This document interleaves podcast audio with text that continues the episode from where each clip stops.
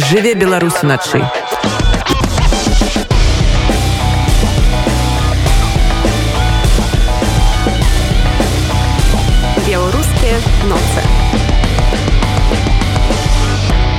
Ну вось і ўласна кацярына ваданосава. 23 мая журналістка і спявачка напісала пра тое што ў яе рак. Под пастом сотні людзей пакідалі дзяўчыне словы падтрымкі і кацярына сапраўды трымаецца. По-ранейшаму шыкоўна выглядае по-ранейшаму дзеліцца назіраннямі ўражаннямі і вельмі шчыра і адкрыта распавядае пра свой няпросты перыяд у жыцці.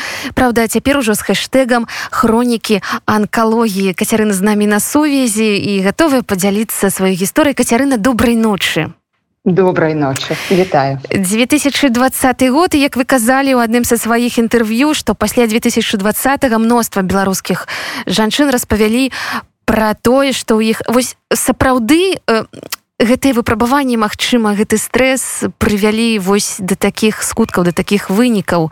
Як вы зразумелі што вы захварылі а А, так ну я уже неаднаразова распавядала гэтую гісторыю Мачыма я уже буду нават паўтарацца аднымі тымі ж словамі распавядаць яшчэ раз.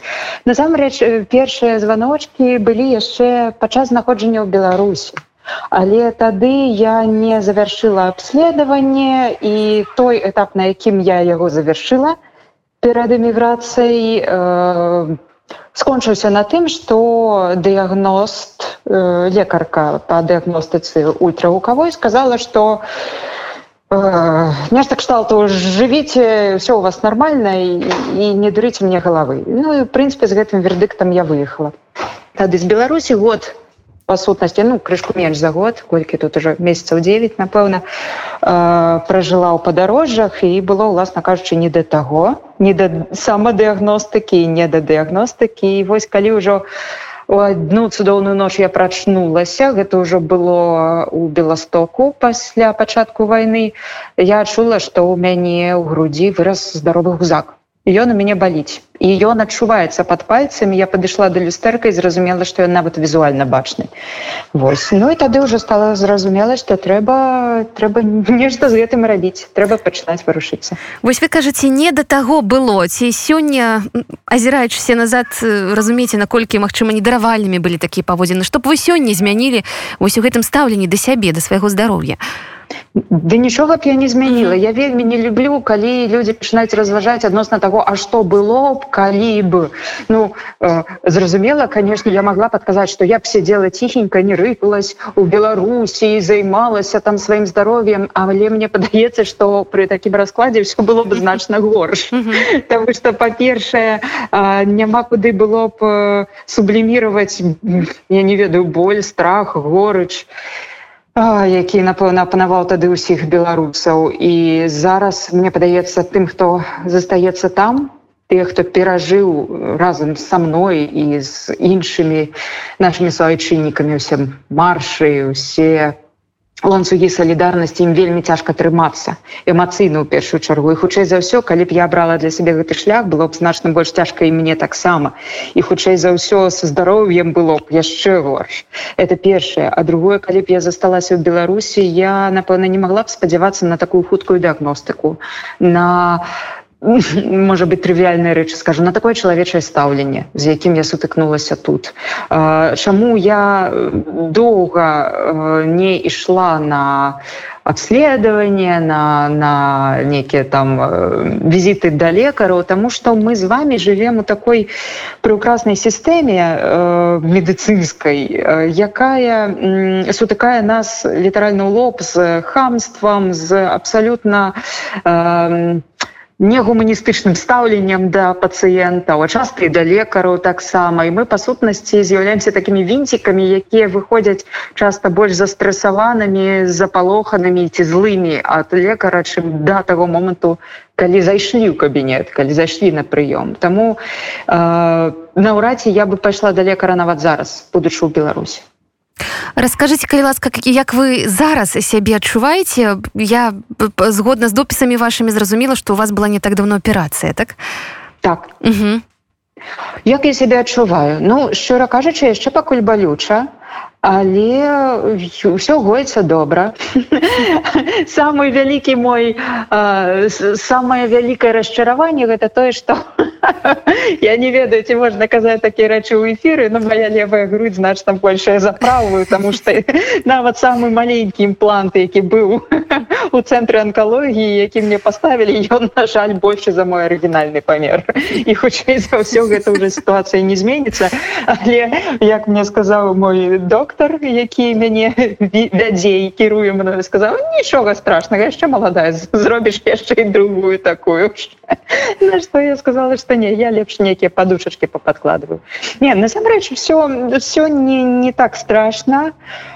Самое такое цяжкае зараз гэта чаканне тому что аперацыя зроблена у мяне была ампутацыя грудзі подскурная то бок скуру мне пакінули а тое что было ўнутры все павыразалі у тым ліку і пухліну ракавую восьось мне поставілі замест гэтага імплант і зараз э, я мушу чакаць на вынікі даследаванняў. Э, я шчыра кажучы зусім не разбіраюся ў гэтых всіх рэчах. Нейкія там ой у Ой, не буду хлусіць забыла нават назву тых даследаванняў на які ўзялі мои вось гэтыя тканкі.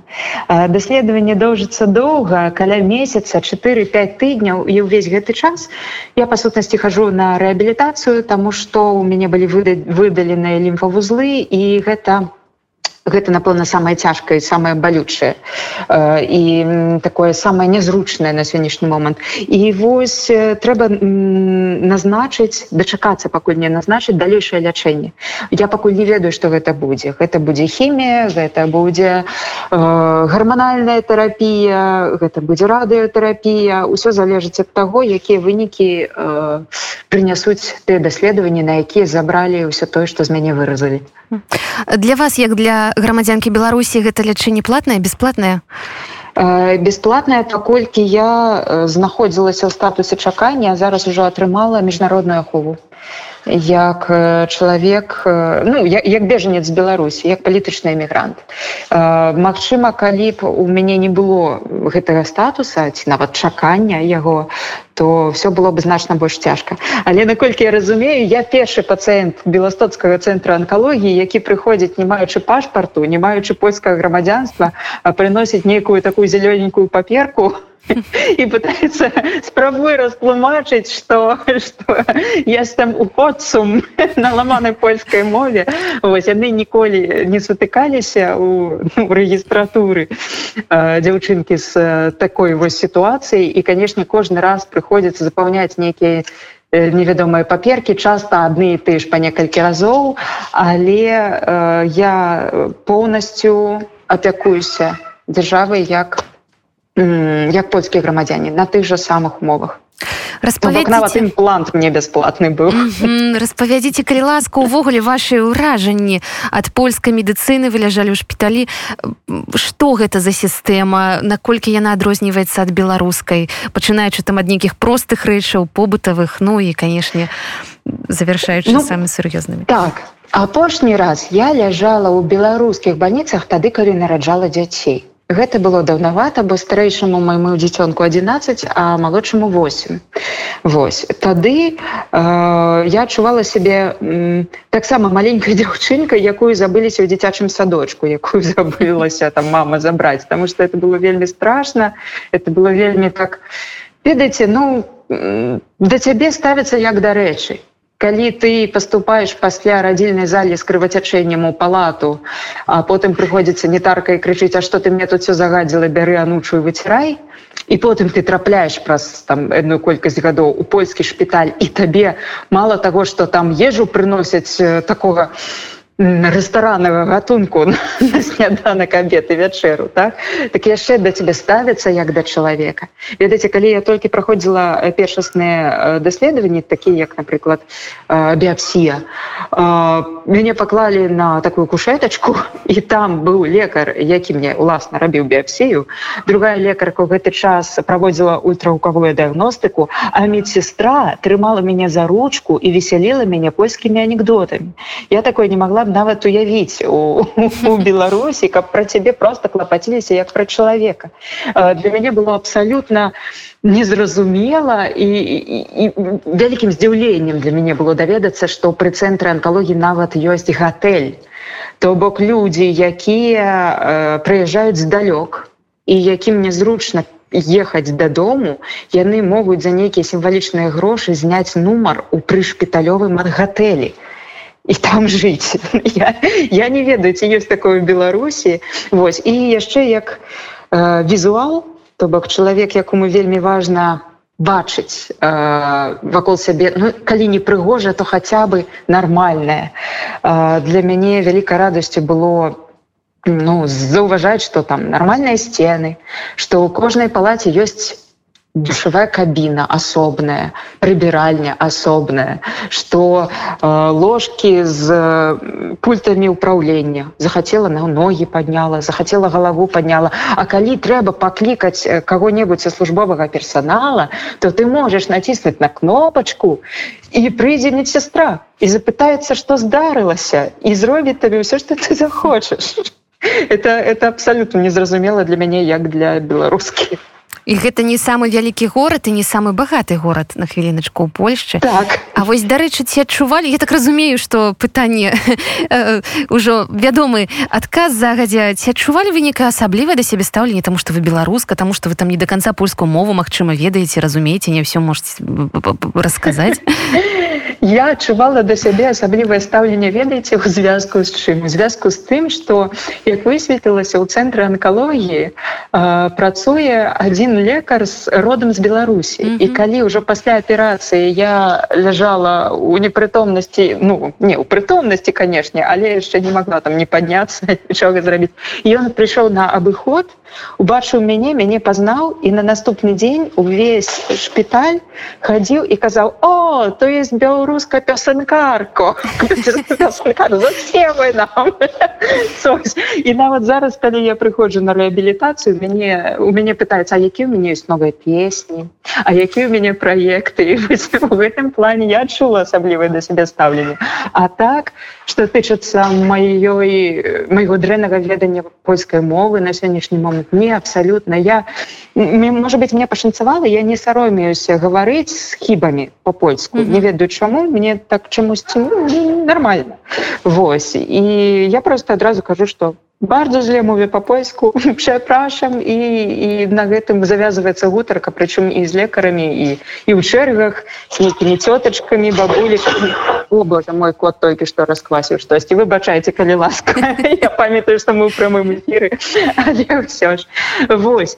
А, тому особливого ставления, як человека другаснага гатунку, не, ніводнага разу я такого не адчула вельмі часта э, рак анкалогія ўспрымаецца як клеймо і людзі не просто баяцца сваёй хваробы яны баяцца прызнацца што захварэлі ці правільная гэта стратэгія А я не ведаю я могу вам задаць як бы пытанне ў адказ А чаму яны гэтага саромяцца чаму гэта ўспрымаецца як такое таўро на лбе? Мне гэта не зразумела. Абсолютно я я не могу гэтага патлумачыць. Гэта мне падаецца роднасным э, таких чыннікаў калі напрыклад ахвяра гвалту э, боится прызнацца пра гвалт кшталту что ўсе скажуць что сама виноватая я не адчуваю себе виноватай у сваёй хваробе я могу э, некіе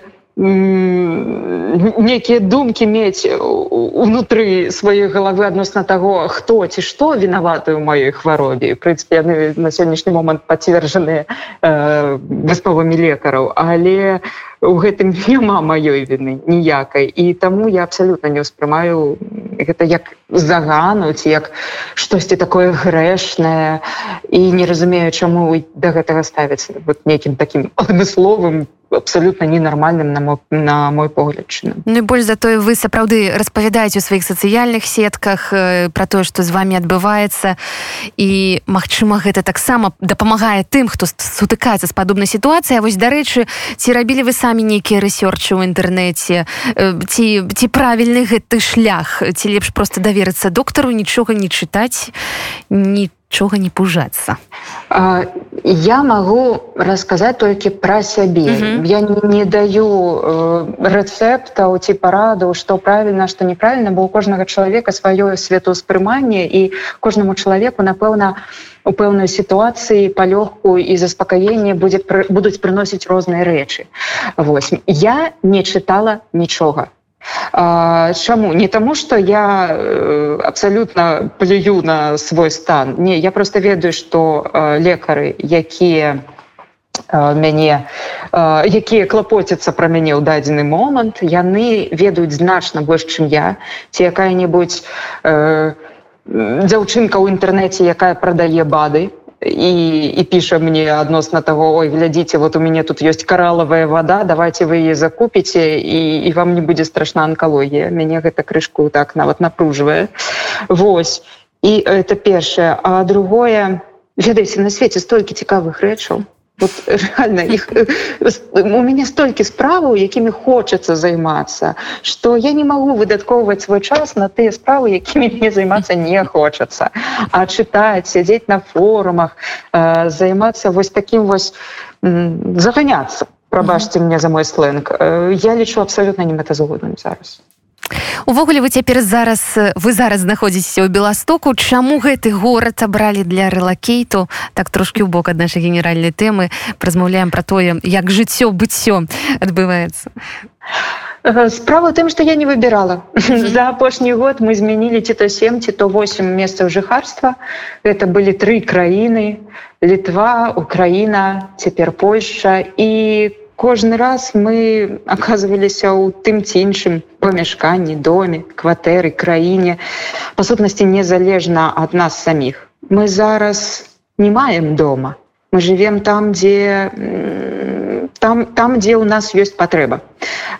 У беластоку ува мне была патрэба з боку маіх працадаўцаў. Mm -hmm. Тут знаходзіцца студыя хайтак ТВ, дзе здымаюць нашыя праграмы. І калі мы перайшлі перасеклі мяжу з э, Польшчай, Украіна польскую мяжу, э, мне патэлефанавалі і сказалі Каця, паедзеш у Беласток. Я кажу мне зараз что ў беласток что на суахілі па сутнасці няма ніякай розніцы поедзе вы беласток вы поедем запыталася у мужа поедзеш беласток ён кажа мне без розніцы і все і мы так апынуліся ў беластоку а дзеці для іх гэта прыгода а яшчэ і я так разумею поспехи. Вы пісалі зноў ж таки сваіх сацыяльных сетках что нават стыпендыю атрымліваюць за добрае навучанне ну стыпендыю атрымліваюць не ўсе так. справа тым что мы же у соседках пишем про, только про доброе, mm-hmm. правильно? Опускаемся то, что нам не хочется выносить на, на суд Божий. Хотя, в принципе, я и снова же не бачу в этом ничего заганного. А, ведаете, я кажуть, Бог не ровно деле. У меня дочка скончила сапраўды на выдатный год, при том, что это школа ў трэцяй краіне яна ўжо павучылася па-літоўску па-украінскую цяпер па-польску за один год. Восьось умудрылася так зарабіць стыпендыю а мой сын якога мусілі адправіць у зыруку пайшоў польшу ў першы клас таму што месца ў зыруцы не было і канешне першы клас ён не пацягнуў у сілу і ўзросту і адсутнасці падрыхтоўкі навучання mm -hmm. на польскай мове таму ён яшчэ раз застанецца ў першым класе на наступны год. Ну прынцыпе у гэтым нічога дрэннага няма я наадварот радуюся што нам не прыйшлося за тры месяцы э, праходзіць праграму из руки першага класа Вось э, таму як бы я не могу сказаць что гэта поспехи. У меня дзеці вельмі завертаваныя сваім за сваё нядоўгае але вельмі насычанае жыццё і у іх просто па сутнасці не застаецца выбару акрамя як вучыцца прыстасоўвацца да сітуацыі тым дзе іншым чынам. Ну і хатнія жывёлы я таксама чую па гуках з вами так так мой дваровы прынц францішак дарэчы прыехаў вас зараз толькі што разнёс паўпакоя кацярына вы тут чалавек які стварае вакол сябе прыгажосць напэўна дзе б я не быў. Вось ваша сённяшняя кватэра ў беластоку таксама ўжо аздоблена нейкімі вашымі вырабамі таму што канешне тое што вы паказвалі да гэтага часу свой мінскі перыяд ну выклікала захапленне бясконцыя Дзякуй вялікі. Справа ў тым што я абсалютна не ўяўляю колькі мы пражывем яшчэ ў гэтым памяшканні колькі мы пражывем у беластоку. За апошні год я ж кажу мы змянілі столькі месцаў жыхарства і знаходжання што я баюся нават лішні кубак купіць зараз у гэтае памяшканне тому что мы не маем нават машины у нас машина ў мінску засталася і калі прыйдзецца ў чарговы раз пераязджаць мы ўжо один раз без рэчаў выязджалі з мінска і другі раз без рэчаў пешу перасякалі украіна польскую мяжу.